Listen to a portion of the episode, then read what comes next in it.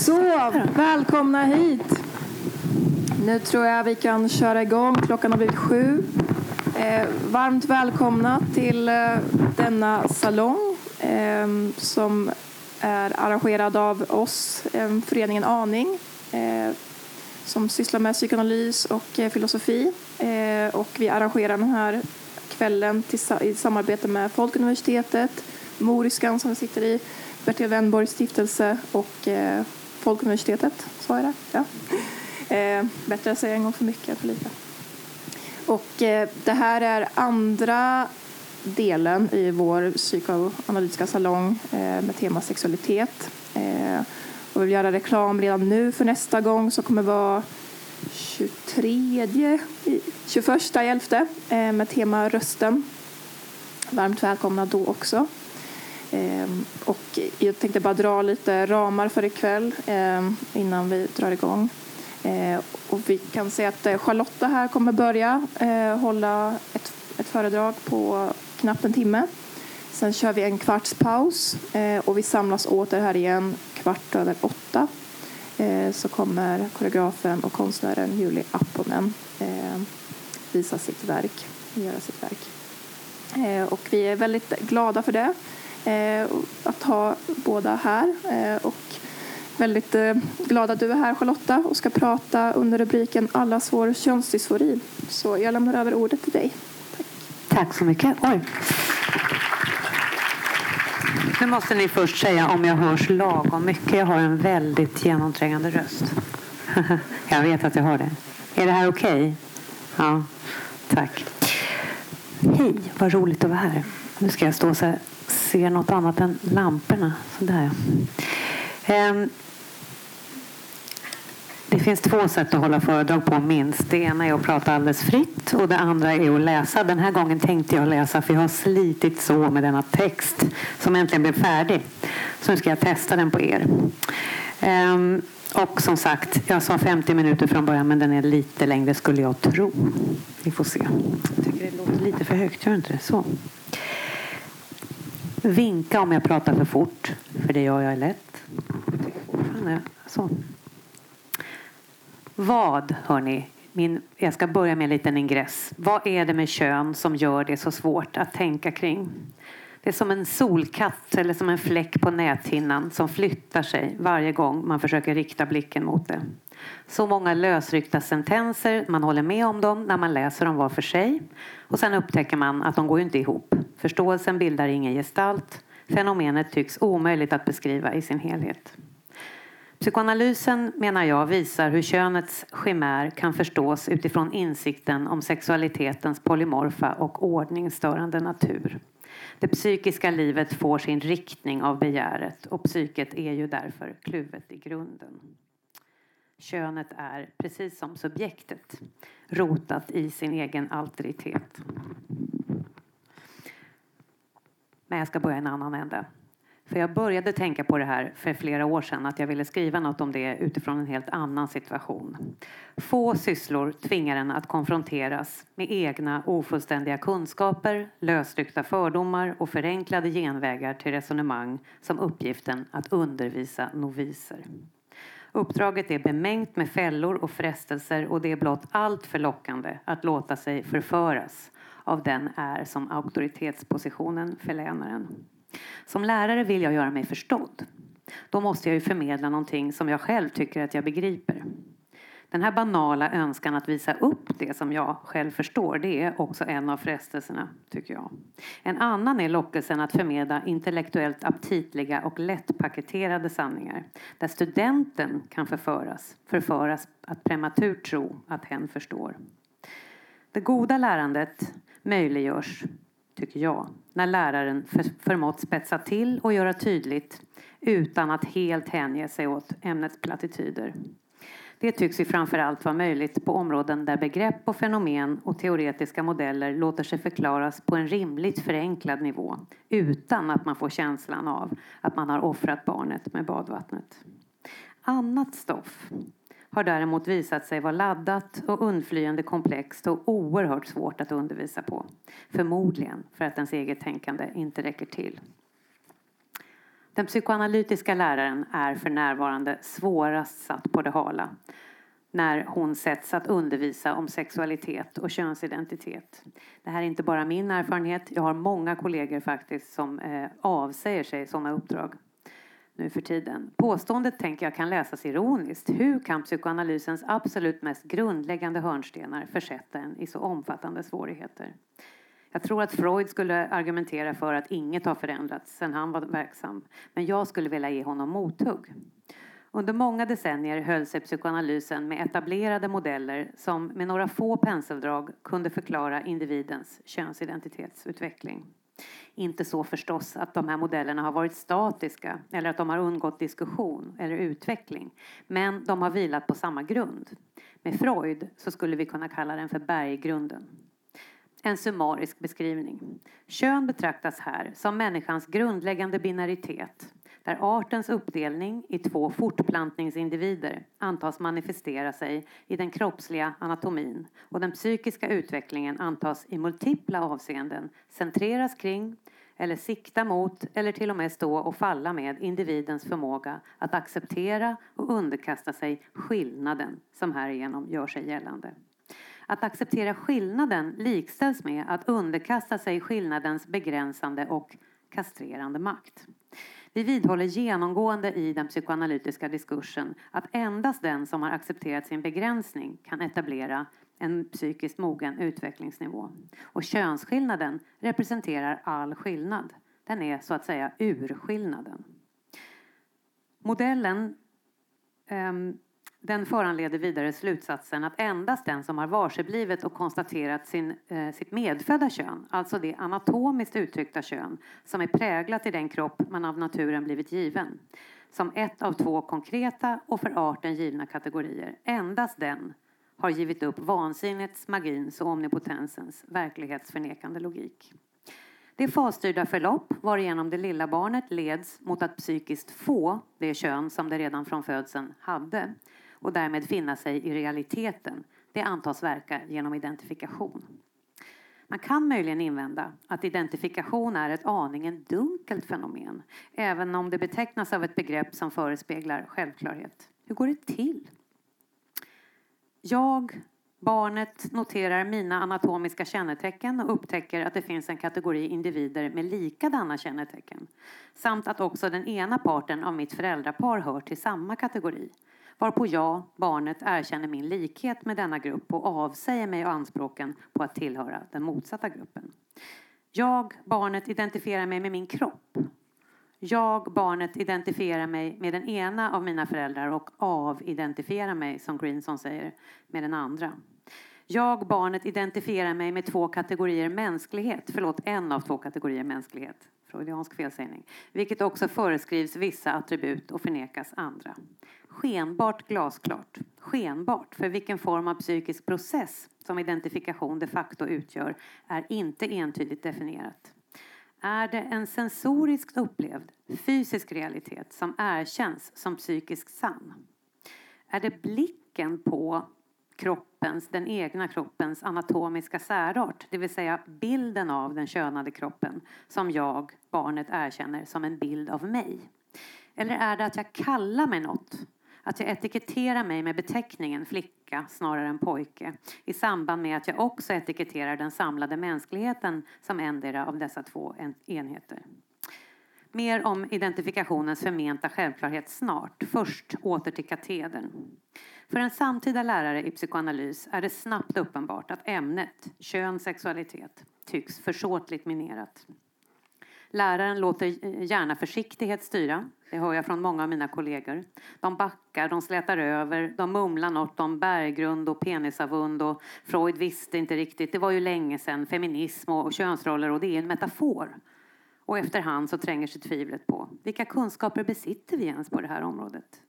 Utbildningarna drabbas när lärare drar sig för att representera vårt kunskapsområde under dessa urpsykoanalytiska rubriker. Förvisso förekommer i kåren dubbla reaktioner. Å ena sidan psykoanalytiker som uppfattar att inget vi trodde att vi lärt oss längre gäller. Att det finns två kön, att den biologiska kroppen är realiteten och att inte acceptera realiteten innebär en djup psykisk störning. Men sen å andra sidan sådana kollegor som uppfattar att tiden äntligen kommit ikapp psykoanalysen och vi får säga det här visste vi redan. Vi kände till förekomsten av och kraften i den infantila sexualiteten. Vi var på det klara med dess polymorfa och komplexa väsen. Dessvärre tycks den senare skaran också dra sig för att undervisa i ämnet. För kunskaperna ter sig så svåra att förmedla och förankra inom rådande paradigm. För att parafrasera, eller faktiskt citera, mer än en student. Jag köper inte det här. Det brukar de säga. Frågan om kön har nu alltid haft en djupt politisk dimension. Vidare är den likaledes djupt personlig för alla människor. Och de här kombinerade faktumen gör den förstås ännu mer laddad. Hur man än yttrar sig på ämnet känner sig människor personligen kommenterade, recenserade och potentiellt förnekade. I vår samtid pågår också förstås en explosiv utveckling på området. Såväl politiskt som kulturellt som medicinskt.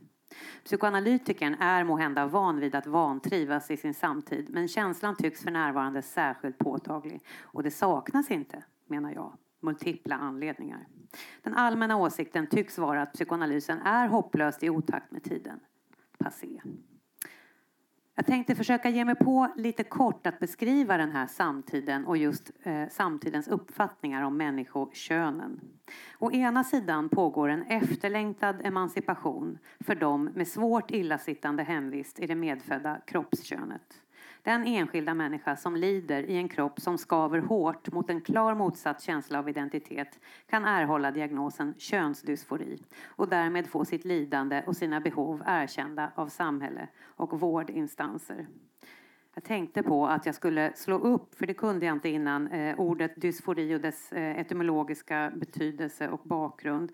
Enligt eh, Wikipedia här så avser dysfori en, jag citerar, en känsla av olust eller ledsamhet. Känslan kan vara ett symptom på depression, ångest, likgiltighet eller missnöjdhet. Eh, det här gäller inte bara könsdysfori då, utan dysfori i allmänhet. Det kan också vara en normal reaktion orsakad av exempelvis sömnbrist. Motsatsen, det här tycker jag är intressant, är eufori. Kommer tillbaka till det. Ehm, transpersonen är samtidens pionjär i utforskandet av 2000-talets identitetsparadigm där begreppens tidigare innebörder måste prövas och för givettagna gränser ifrågasättas. Vid ytlig betraktelse tycks tidsandan bära på stora motsägelser där kroppen å ena sidan uppfattas som icke avgörande för identiteten till exempel könet sitter inte i kroppen då jag har ett annat kön än det mina kroppsliga uttryck påvisar. Å andra sidan kan man uppleva att kroppens absolut har en absolut betydelse för könet. Det är outhärdligt att leva i en konkret kropp som inte motsvarar mitt upplevda kön. Enbart spänningsfältet här emellan är väldigt intressant tycker jag. Dessutom samexisterar de här diskurserna med kvardröjande radikala dekonstruktiva strömningar. Eh, och I psykoanalytiska kretsar är de här strömningarna förknippade framförallt med de så kallade relationella teorierna som är ju väldigt utbredda i USA. Eh, där baserar man sin teoretiska referensram på människans samkonstruerade identitet. Det finns ett radikalt avståndstagande från antagandet om en hos subjektet inneboende sann kärna som till exempel den brittiska objektrelationsteorin ju laborerar med. Sett ur detta perspektiv är könet genus, en socialt konstruerad entitet och därav kan följa att det är oviktigt eller åtminstone potentiellt missvisande att fråga efter individens kön i syfte att förstå henom eller karaktärisera hens subjekt. Hit kan man eh, bland annat kategorisera uppmaningen att skapa genusneutrala förskolor eller att som förälder avböja att citat avslöja slutcitat det egna barnets citat kön Eh, för barnet själv eller för omgivningen för att befria barnet från genusstereotypa förväntningar. Det finns en del radikala experiment eh, men dessutom hör ju till den här eh, traditionen också väldigt demokratiska jämställdhetssträvanden förstås som vill belysa hur den sociala könsetiketten per automatik medför en väldigt ensidig attribuering av egenskaper. En strukturellt påbjuden position i sociala makthierarkier och en kraftfull social förstärkning för individens utveckling av egenskaper. Eh, den 24 augusti, jag vet inte om någon av er lyssnade på det, så intervjuades jämställdhetsminister Åsa Lindhagen i lördagsintervjun i P1. Eh, och hon beskrev bland annat, den intervjun eh, handlade om olika saker, men hon beskrev bland annat regeringens då nyligen presenterade dubbla lagförslag. Dels innehöll förslaget att personer eh, i undantagsfall förvisso redan vid 15 års ålder ska få möjlighet att genomgå så kallad könsbekräftande behandling och dels att samhället bör instifta ett tredje juridiskt kön. Den senare frågan har, så vitt jag förstår, riksdagsmajoritet och tycks formellt okomplicerad. I den förstnämnda hävdas till, eh, hänvisas till evidensstöd för att motivera att även mycket unga individer ska kunna genomgå dylik behandling utan föräldrars kännedom eller medverkan, dock alltid efter medicinsk bedömning. Jag vill understryka att jag inte är här för att tycka något om det. Jag vet inte alls hur jag förhåller mig till det här och jag vet att det pågår en väldigt het debatt. Uppdrag granskning, indraget och det ena med det andra. Jag vill titta på det här psykoanalytiskt förstås. Evidensen som åberopas rör forskning som visar att den psykiska ohälsan är mycket hög i kategorin personer som identifierar sig som trans men som ännu är medicinskt obehandlade. Samt att utfallet av medicinsk och kirurgisk behandling på gruppnivå hittills tycks, tycks gott. Att den psykiska ohälsan, som man kallar det för, minskar då i gruppen efter behandling. Minister hon motiverar i intervjun sitt resonemang med, och det här är ett citat, individen själv är den enda som kan avgöra vilket kön hen identifierar sig som, slutcitat, och därmed bör få fatta beslut om hur samhället i offentliga register ska beteckna individens könstillhörighet. Hon understryker vidare i intervjun att vi bör ha en lagstiftning som separerar medicinsk behandling för transpersoner från frågan om juridiskt kön. Och hon säger, jag citerar, det är ju inte säkert att man vill genomgå medicinsk behandling. Vi tycker inte att samhället ska avgöra vad individen identifierar sig som. Det gör individen bäst själv. Slutcitat. Eh, med andra ord eh, så innebär det här lagförslaget då eh, en ordning där man har rätt, där jag ska säga, har rätten att ändra mitt juridiska kön till man eller något tredje som vi kan instifta när jag är född i en kvinnlig kropp utan att genomgå någon övrig trans transition det här för mig, det som är intressant i första hand tycker jag är eh, att den här innebörden i själva begreppet kön eh, har förändrats på lite olika sätt. Jag ska återkomma till det. Med utgångspunkt i att lagstiftning ska vara anpassad till samtiden och människors rådande moraliska uppfattning. Det är faktiskt en en grundtanke i samhällsbygget ju. Då tycks den här förändringen ligga väl i takt med tiden. Ett dylikt officiellt förslag är intressant också ur psykoanalytiskt perspektiv. Jag tänker att ett samhälles juridiska ramverk utgör en manifestation av den symboliska ordningen och förslaget tydliggör ju samtidens e- implicita antaganden om vad kön är. Vi stadfäster genom denna officiella diskurs att kön, om jag tolkar det här rätt, här officiellt nu består av två av varandra oberoende aspekter. Den samhälleliga könskategorin betecknar nu identitet, mer specifikt subjektets upplevelse av identitet. Könets andra aspekt utgår från kroppen och där anges plötsligt läkarprofessionen som expert. Då behöver man en medicinsk bedömning för att eh, könsbestämma individen. Det görs tydligt att dessa två delar är och bör vara i grunden oberoende av varandra och att all potentiell samvariation är fundamentalt arbiträr. Psykoanalytikern skulle i detta kunna återfinna kännetecken från till exempel lakaniansk teoribildning i så motto att de symboliska beteckningarna har en godtycklig relation till det de betecknar. Beteckningen kvinna i skattemyndighetens register saknar nu direkt koppling till läkarens bestämning av den, av den individuella kroppen som varande kvinnans eller mannens. Länken, som jag förstår det, är i detta fall imaginär.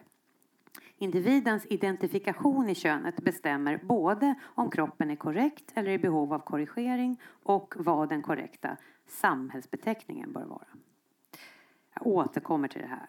Först tänkte jag säga någonting om detta med begreppen kön och genus. Det har ju länge varit vedertaget, även inom psykoanalysen, att göra åtskillnad mellan kön, sex på engelska och genus, gender på engelska.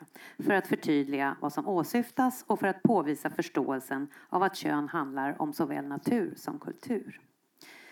Gunnar Karlsson beskriver hur begreppsindelningen införts som ett sätt att komma till rätta med könstillhörighetens undflyende komplexitet. Han skriver Ett annat skäl, förmodligen det främsta, till genusfrågans svårighet är att bestämningen av genus inbegriper ett ställningstagande mellan biologi och våra subjektiva uppfattningar om och upplevelser av vad det innebär att vara man och kvinna. Vi har att göra med en begreppsapparat som vanligtvis innebär att kvinna och man betecknar det biologiska könet medan femininitet och maskulinitet betecknar genus som antas vara sociala och kulturella lagringar på könet. Slutcitat. Karlsson påpekar indelningens torftighet ur psykoanalytisk synvinkel, för subjektet saknar ju plats i det här resonemanget. Han framhåller att kroppen inte kan reduceras till ett biologiskt ting och ett naturvetenskapligt objekt för studium. Det finns ju i psyket ingen oförmedlad kropp och därmed inte heller ett oförmedlat kroppsligt eller socialt kön. Genus införlivades i psykoanalysens teori Eh, på 60-talet när Robert Staller eh, myntade begreppet core gender identity i sitt väldigt omfattande arbete med att utforska den mänskliga sexualiteten. Han jobbade bland annat med eh, patienter som då betecknades som transsexuella. LaPlanche menar att det här införandet av begreppet core gender identity och gender överhuvudtaget innebar ett skifte i psykoanalysen där frågan om könsidentitet Eh, försköts långsamt mot genusbegreppet och alltmer nu har blivit liktydig med en dubbel uppsättning övertygelser. Den första är vetskapen om att man tillhör en av två existerande könskategorier samt den andra vissheten om att det kön man tillskrivits vid födseln varit korrekt. Laplanche ifrågasätter faktiskt huruvida åtskillnaden könus eh, och, kön och genus de facto har fungerat klargörande. Han menar att begreppsinförandet snarast har tjänat till att ytterligare fördunkla kunskaperna om det undersökta fenomenet.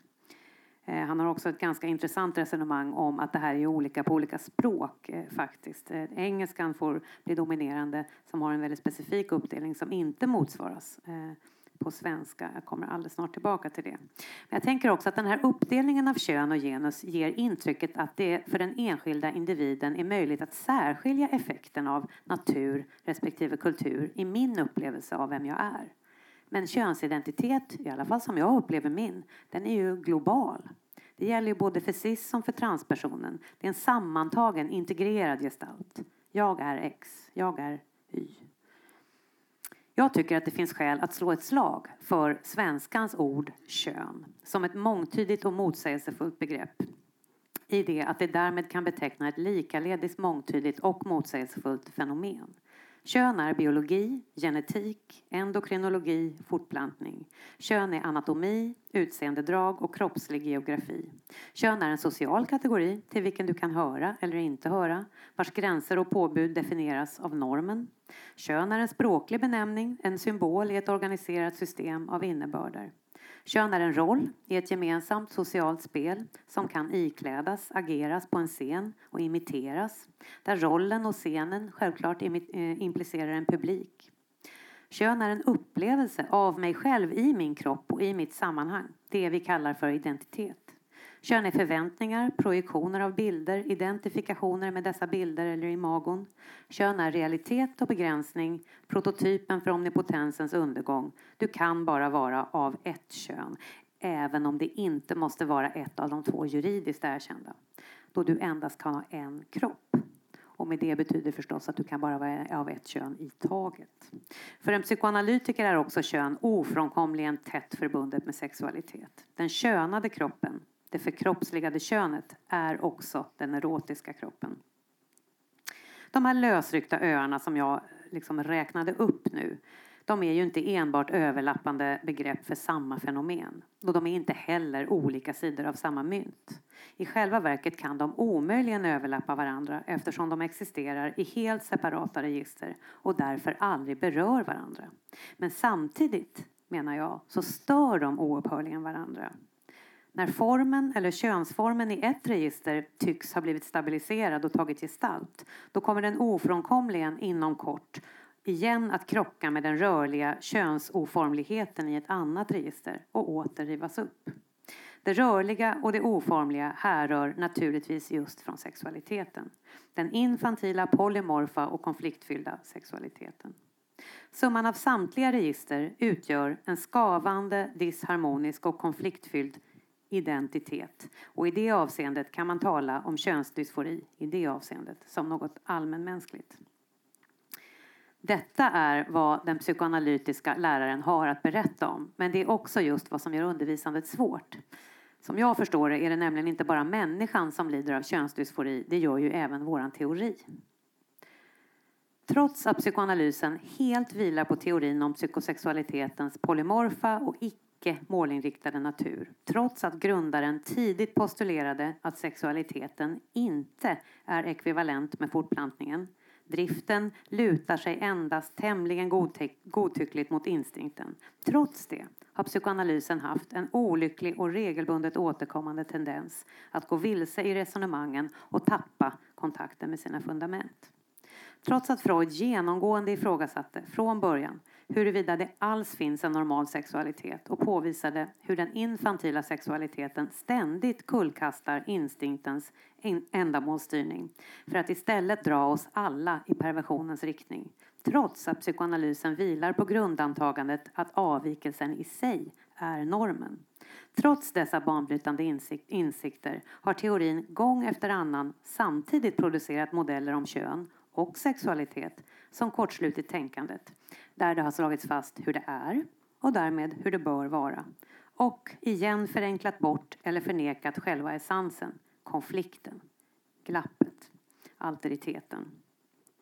En koncis sammanfattning av Freuds position i frågan låter sig inte göras, men jag föreslår ändå att den skulle kunna formuleras ungefär så här. Det psykiska könet är en produkt av å ena sidan anatomin, och hur individen förmår förhålla sig psykiskt till denna kroppsliga realitet samt å andra sidan en produkt av identifikationer. Anatomi används förvisso som en omskrivning för en specifik operationalisering av den anatomiska skillnaden mellan könen där innehav eller avsaknad av penis framhålls som könsmarkören framför andra. Att penis är privilegierad markör motiveras med att det lilla barnet som upptäcker den anatomiska skillnaden är i en ålder då varseblivningens konkretion determinerar hela tänkandet. Barnet ser något fysiskt påtagligt som finns hos en men inte hos en annan och drar slutsatser utifrån detta. Den implicita fallocentricitet som modellen vilar på har självklart dekonstruerats och analyserats de senaste 50 åren. Jag ska inte slå in öppna dörrar kring det.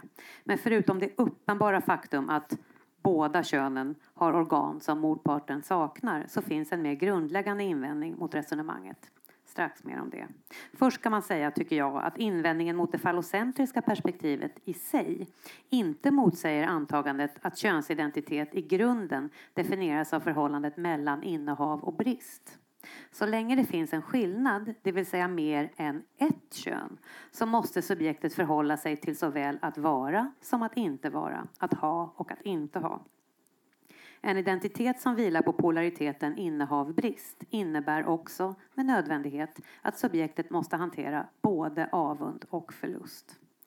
Kastration pekar på den utvecklingspsykologiska position där barnet tvingas inse att hen inte har allt det är möjligt att ha och att det dessutom finns andra som har det som hen saknar. Identifikationerna har ju kartlagts eh, under hela den psykoanalytiska utvecklingen kan man säga, såväl av Freud som av väldigt många efterföljare. Först i den oidipala konstellationen, sedermera också både tidigare och senare under barnets utveckling. Modellen är fruktbar då den förtydligar de många sediment av självbilder från barnets olika utvecklingsfaser som tillsammans formar den vuxnes bild av sig själv. Och där eh, blir det ju tydligt att de här lagren eh, inte måste eller, eller alls kan förlåt, överensstämma sinsemellan. Här finns en aspekt av det svårfångade, motsägelsefulla. Varje barn har multipla identifikationer, även i könat hänseende. Det kan dock vara värt att igen notera att identifikation just rör sig om självbild och bilder av självet. Identifikation är ett imaginärt fenomen. Vi återkommer även till detta. En mer grundläggande invändning då mot Freuds modell är ju att den bygger på ett logiskt felslut eller åtminstone en sammanblandning av nivåer mellan konkret realitet och symbolisk representation. Det märkliga är förstås att detta är just vad Freud ursprungligen försökte poängtera. Barnet är en så konkret varelse att upptäckten av det specifikt synliga könsorganet hos pojken föranleder föreställningen om att frånvaron av penis är samma sak som en fullbordad kastration. Jag är på inget sätt den första att påpeka detta.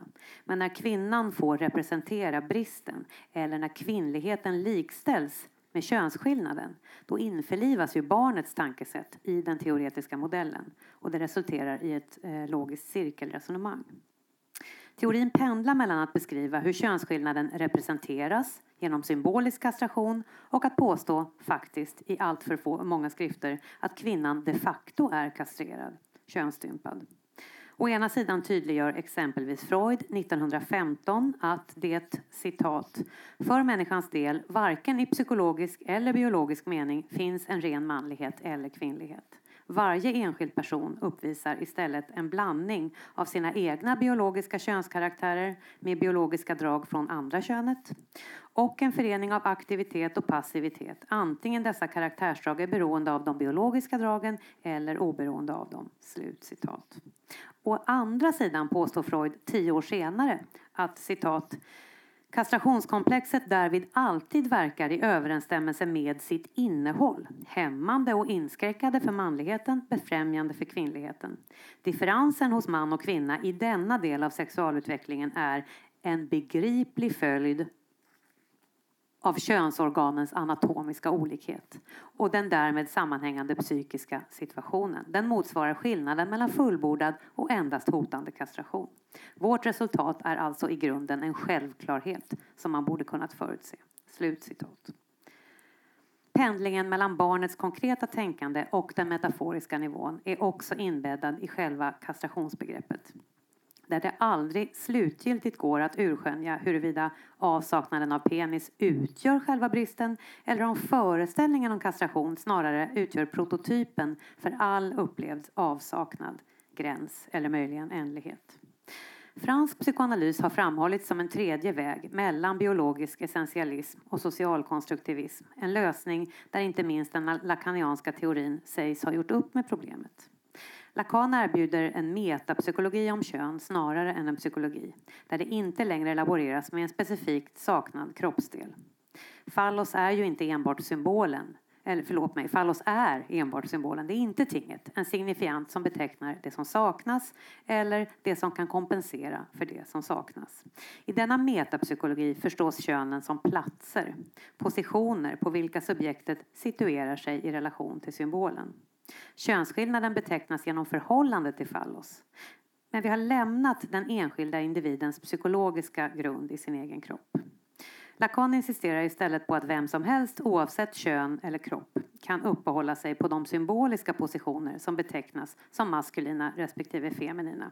Nu kommer ett kort engelskt citat här, jag hittade inte det på svenska, av Lacan. The relation of the subject to the phallus is set up regardless of the anatomical difference of the sexes. Slutcitat. Resonemanget bygger således på det generella sambandet mellan alla symboler och det de betecknar, det vill säga att relationen mellan signifiant och signifié är godtycklig.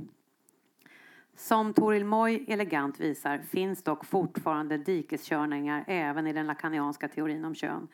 Åtminstone menar ju hon det. Där kropp och symbol likväl igen blandas samman och kvinna ofta låter liktydigt med brist och man med innehav. Lacans motivering till varför fallos är den privilegierade signifianten som får representera all åtskillnad innebär återigen en återgång till konkreta beskrivningar av kroppsliga påtagligheter. Oavsett det här då, dubbelheten och motsägelserna tycks väldigt svåra att undkomma. De löper genom Freuds samlade verk och de reproduceras kontinuerligt genom psykoanalysens historia, verkligen ända in i våra dagar. För 13 år sedan, eh, 2006, så var det en, eh, en konferens eh, organiserad av eh, Co-op som är alltså den Eh, vad står det för nu igen? A working Party i alla fall, som handlar om kön i, i IPA. Och den konferensen eh, hade temat transsexualism. Den hette det. Och vad de kom fram till skulle jag säga bär verkligen vittnesbörd om detta. Författarna de driver inte en helt gemensam linje i den bok som de har gett ut. Men i huvudsak diskuterar de vilken patologi transpersonen måste lida av. Är problematiken psykotisk eller är den pervers? Är den ett konkret utagerande av ångest eller är det en vanföreställning som får omnipotent iscensättning? Det relevanta för vårt resonemang är att dessa framstående samtida kollegor alla har utgångspunkten att kroppen är realiteten. Samtliga analyser tar avstamp i uppfattningen att kroppen är född med ett av två kön, varför övertygelsen om att man egentligen är av motsatt kön per definition måste vara en vanföreställning. Att också konkret vilja åtgärda denna inkongruens genom ett hormonellt eller kirurgiskt eh, försök att rätta till realiteten i deras beskrivning. Då. Så att den då harmonierar med de psykiska föreställningarna. Den blir då med nödvändighet ett psykotiskt utagerande. Och om det inte anses regelrätt psykotiskt så utgör det åtminstone en svår perversion. Detta för att man tycker att skillnaden genomgående ses som förnekad och övertrumfad av ett omnipotent förhållningssätt. Um, jag tycker att jag vill lägga till, för att det här, jag blev väldigt provocerad när jag läste den här boken. Man kan läsa den om man är intresserad av hur de tänker i Italien. Eh, två grundläggande invändningar inställer sig. Igen sker denna sammanblandning mellan ting och symbol.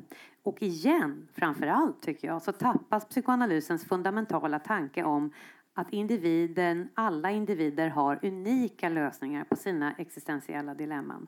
Det här är individer, alla vi är individer och våra lösningar kan omöjligen ha exakt samma innebörd.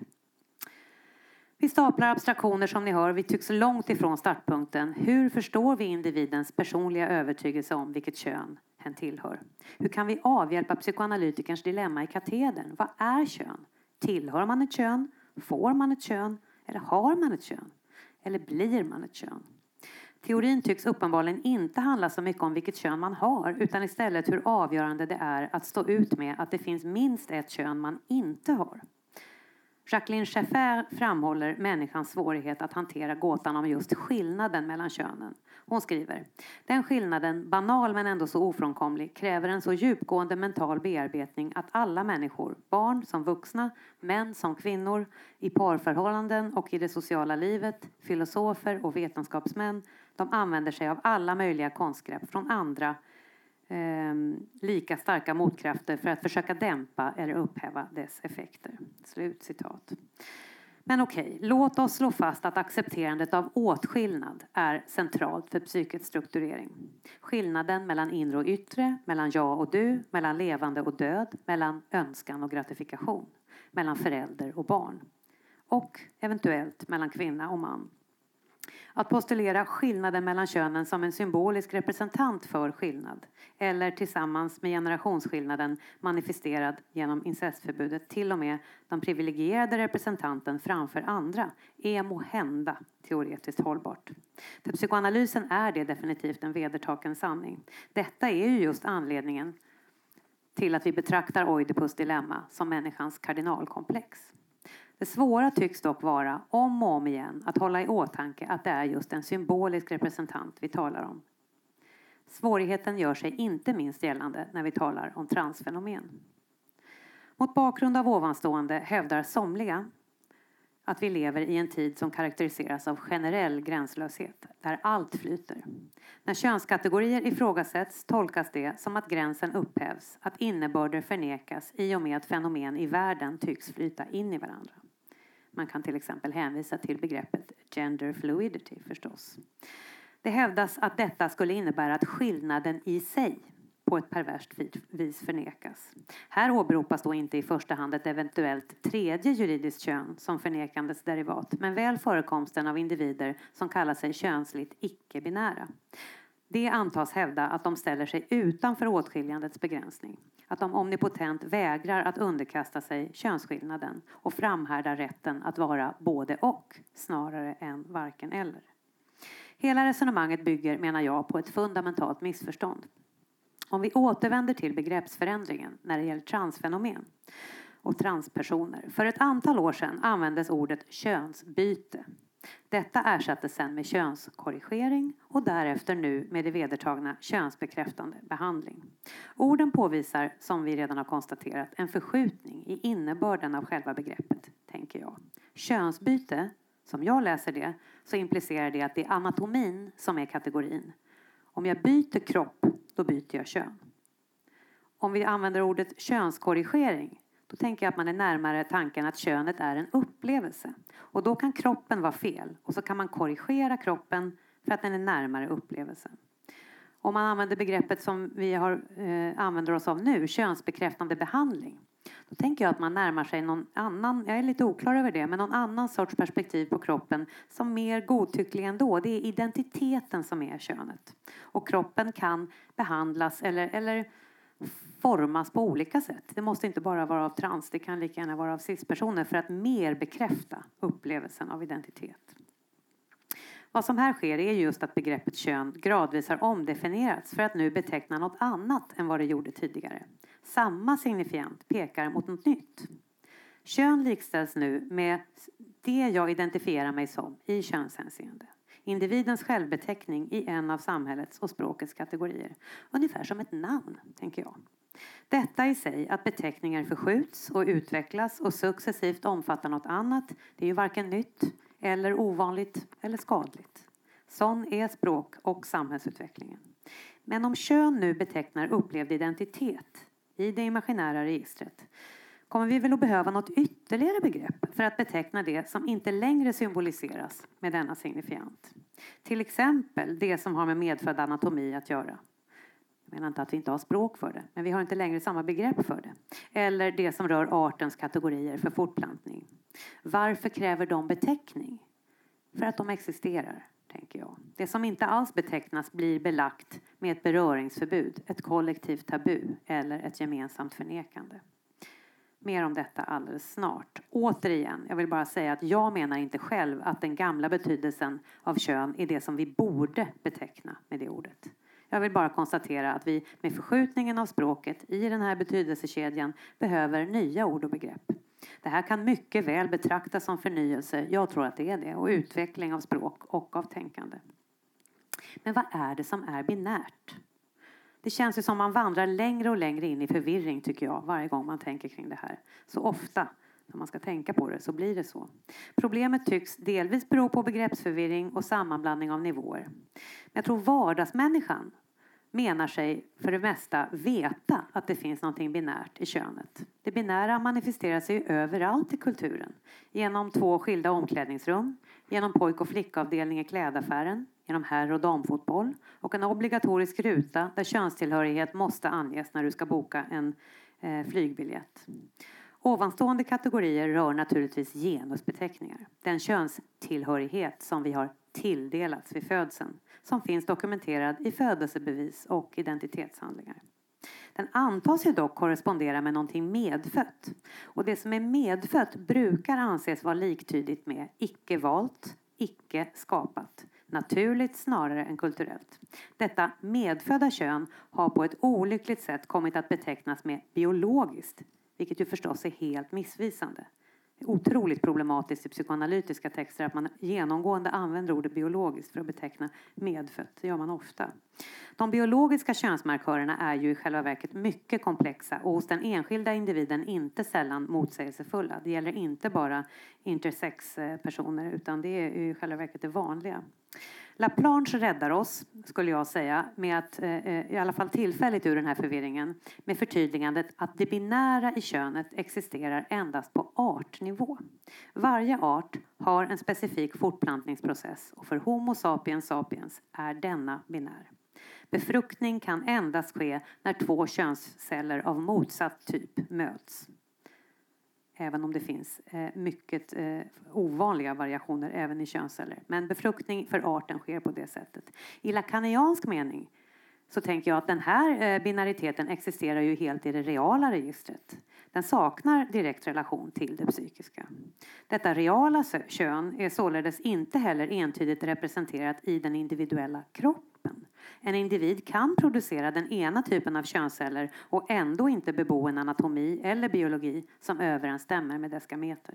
Eller snarare anatomin, Biologin och fortplantningen samlever aldrig i total harmoni då många av de biologiska markörerna rör sig längs ett kontinuum, till exempel hormonnivåer och sådana saker.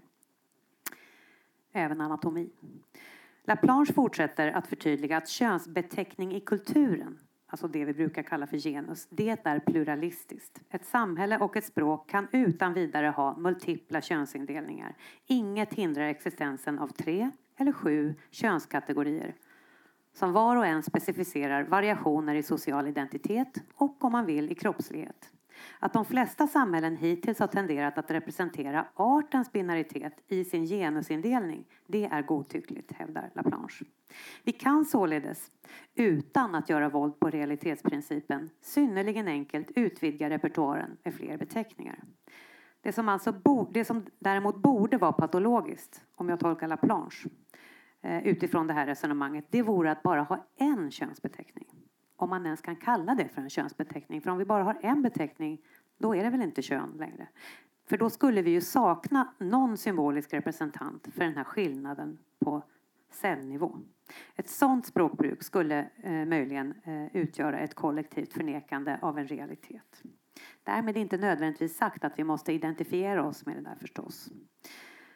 Det specifikt psykoanalytiska är dock det som också utgör Laplanches sista punkt på hans lista. Artens kön är alltså binärt, samhällets kön är pluralistiskt men psykosexualiteten är, som vi redan har konstaterat, polymorf. Och den stör och bryter upp alla kategoriseringar.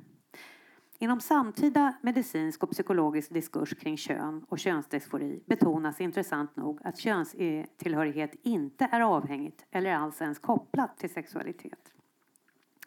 Eh, RFSLs representant har till exempel noga eh, specificerat att könsidentitet är vem du är eller vilken könsgrupp du tillhör. Eh, sexuell läggning är vem du attraheras av. Den här hållningen har delvis politiska grunder eh, förstås och eh, välmotiverade. Jag ska inte gå in på det. Det finns skäl till varför man har behövt betona det. Men för en psykoanalytiker är det här obegripligt, tänker jag. För ingenting i det könade kroppsjaget kan föregå begäret eller erfaras bortom psykosexualiteten. Den egna kroppsligt förankrade identiteten är alltid libidinöst laddad och dragningen till den andra kan utifrån hur jag tänker, aldrig vara till någon okönad, libidinöst neutral. En psykoanalytisk teori om kön måste befinna sig inom det psykoanalytiska fältet. Det kan ju låta som en total tautologi. Men psykoanalysens fält är den begärande kroppen ur vilken psyket uppstår. Önskan är det omedvetnas fundament. I psyket finns således ingen oförmedlad kropp, men det räcker ju inte med att bara tala om en passivt upplevd kropp. Vi måste specifikt betrakta det aktivt begärande subjektet och utgå ifrån att all upplevelse filtreras och läses genom begärets raster. Detta torde även gälla upplevelsen av att ha eller vara av ett kön.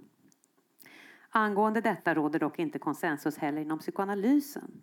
Inom den breda objektrelationsteoretiska traditionen antas preoidipala relationella erfarenheter utgöra grunden för individens etablerande av en jag-identitet. Karlsson, som jag beskrev förut, han refererar till hur det nödvändiga tidiga omhändertagandet av en härbärgerande vuxen citat, mer adekvat beskrivs i termer av ett jag-du-relaterande än ett mer distanserat jag, han, hon. Slutcitat. Idealen, modersfunktionens paradigm, finns enligt detta synsätt inget kön. Att objektrelationsteorin medfört en avsexualisering av psykoanalysen är allmänt vedertaget. Det har också påpekats att kleinianer generellt betraktar sexualitet som ett försvar mot primitiv icke-sexuell ångest. Som påtaglig kontrast till detta står just olika franska tänkare, till exempel Laplanches generella förförelseteori om sexualitetens och det omedvetnas uppkomst i det han kallar för den ursprungliga antropologiska situationen.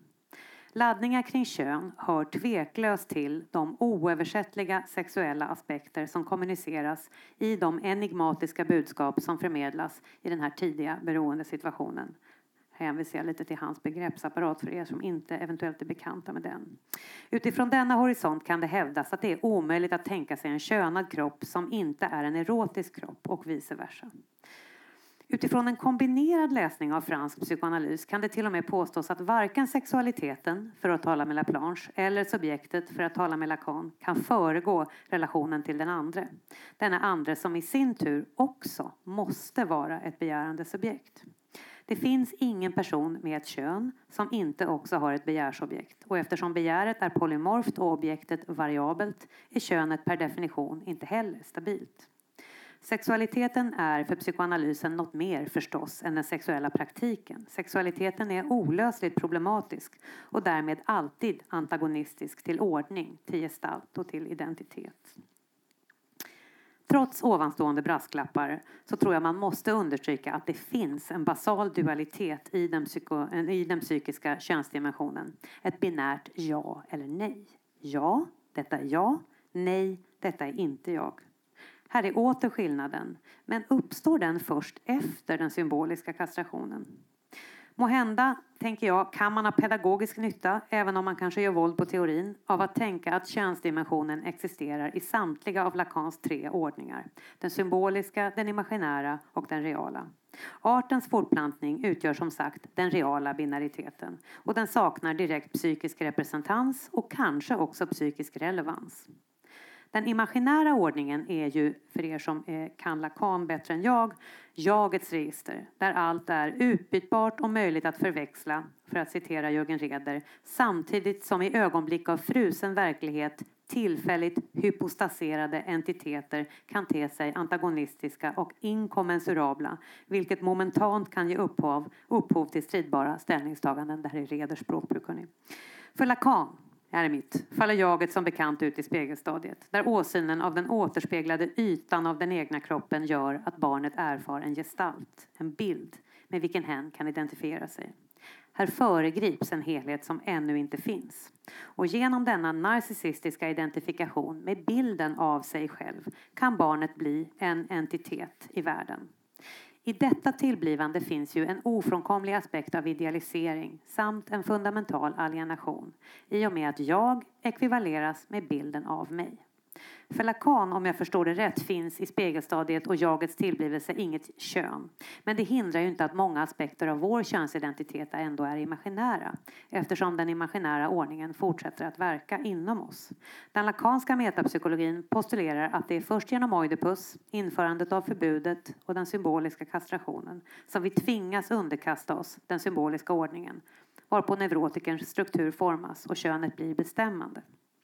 Men som vi tidigare konstaterat är psykoanalysens generella förklaring av könsidentiteten att den utgår från identifikationsprocesser. Och för Lacan är identifikation per definition något som sker i det imaginära registret. Och den bilden av kön, den är godtycklig, den är utbytbar och flytande. Men samtidigt som Reder-citatet visar är den imaginära gestalten alltid en idealisering. Den förespeglar en helhet som inte finns. Den utger sig för, en tvär, för att tvärsäkert kunna fånga det som inte kan fångas. Jag tänker att man skulle kunna hävda att könet inte bara är förknippat med sexualitet, det är sexualitet. Med utgångspunkt i Freud kan vi hävda att den andres kön kan definieras som just den egenskap som väcker subjektets attraktion. Det måste inte likställas med identiteten man eller kvinna utan jag tänker att det är något mer unikt hos objektet. Den specifika tonen i objektets begärlighet. Om man tänker så, då skulle man kunna tänka att mitt kön, alltså min upplevelse av mitt kön, är det hos mig som jag tror är det som gör mig till föremål för objektets begär. Mitt upplevda kön, man skulle kunna säga Stollers core gender identity, skulle då kunna vara förankrat i den primära självbilden som härstammar från den narcissistiska identifikationen. Ifrån illusionen där jag är fallos för den andra, där jag är den kompletterande delen som den andra saknar, som gör den andra hel. Denna grundläggande aspekt av könsidentitet är i så fall imaginär och föregår det symboliska situerandet i könet. Inte långt kvar hörni. Nu ska jag prata lite om mina favoritkanadensare. Nej, den ena är ju amerikan, men Oren Goslan och så har vi Patricia Gerovici som vi pratade om i seminariet tidigare idag. Bägge har hemvist i den lakanianska traditionen och bägge tar avstamp i upptagenhet av transfenomen för att eh, förlåt, i, upptagen av, eh, i, upptagenhet av, eh, i samtidens upptagenhet av transfenomen för att belysa och formulera något allmängiltigt om kön och sexualitet. Båda eh, framhåller könsidentiteten som vansklig och skör. Båda framhåller den ofrånkomliga instabiliteten i motsättningen kvinnligt-manligt och igen beskriver de hur sexualiteten och begäret med nödvändighet alltid förhåller sig antitetiskt till identitetsformation. Gerovici opponerar sig mot psykoanalysens ständigt återkommande tendens att patologisera icke-normativa uttryck för kön och sexualitet. Och hon menar att vi istället borde tala om trans som symptom. Och hon påminner då om att symptom för psykoanalytikern inte förstås är ett tecken på medicinsk sjuklighet som bör botas. Symptom är kreativa försök till lösning på existentiella och intrapsykiska dilemman. Goslan han tar fasta på den lakanianska utgångspunkten att identiteten är ursprungligt kluven och att vi ofrånkomligt är rotade i vår egen alteritet. Könsidentitet kan då inte förstås enbart som pålagringar av multipla identifikationer utan den bottnar som all identitet i just denna oöverbryggbara dissonans mellan kropp, mellan kropp och illusoriska, lögnaktigt tvärsäkra bilder av mig och den symboliska ordningens krav på underkastelse under gränsen. Goslan betraktar inte transsexualitet som en patologi eller ett syndrom utan som en psykisk position utifrån vilken vi kan analysera könets allmänna ofullkomlighet. Hans tes är att könsidentitet omöjligen kan härbärgera hela könsskillnadens innebörd då könsskillnaden är ofrånkomligt förbunden med begäret. Och det låter sig ju inte infångas. Det här gör att könsidentitet paradoxalt nog både kan användas som ett försök att temporärt förmedla vem man är och vem man inte är i könsdimensionen, det vill säga representera skillnaden, och som ett försök att försvara sig mot skillnadens kränkning eller till och med helt förneka den. När detta är fallet utgör samma könsidentitet en defensiv kompromissbildning som gjort det möjligt för individen att inte befatta sig med alteritetens dilemma.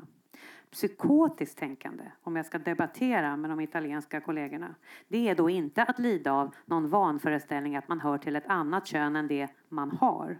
Utan psykotiskt tänkande det är att vara tvärsäker på exakt hur gränserna för ens könsidentitet ser ut och vara helt säkert identifierad med denna bild. Tänkandet har då karaktären av det Hanna Segal kallar för symbolic equation där symbolen kön likställs med det realas kön i en kortsluten imaginär bild, fastän de omöjligen kan sammanföras. Här finns en ofrånkomlig dysfori som endast paradoxen kan göra uthärdlig och tänkbar. Slutsatsen då tycks vara, tänker jag, att vi alla i någon mån lider av könsdysfori. Dess, dess motsats skulle i så fall vara könseufori. Och det tänker jag kan enbart existera i det slutna imaginära registret där den narcissistiska identifikationen ger illusionen av visshet och helhet. Könseuforiken kan vara såväl man som kvinna som transperson. Graden av patologi är inte avhängigt kategoritillhörighet.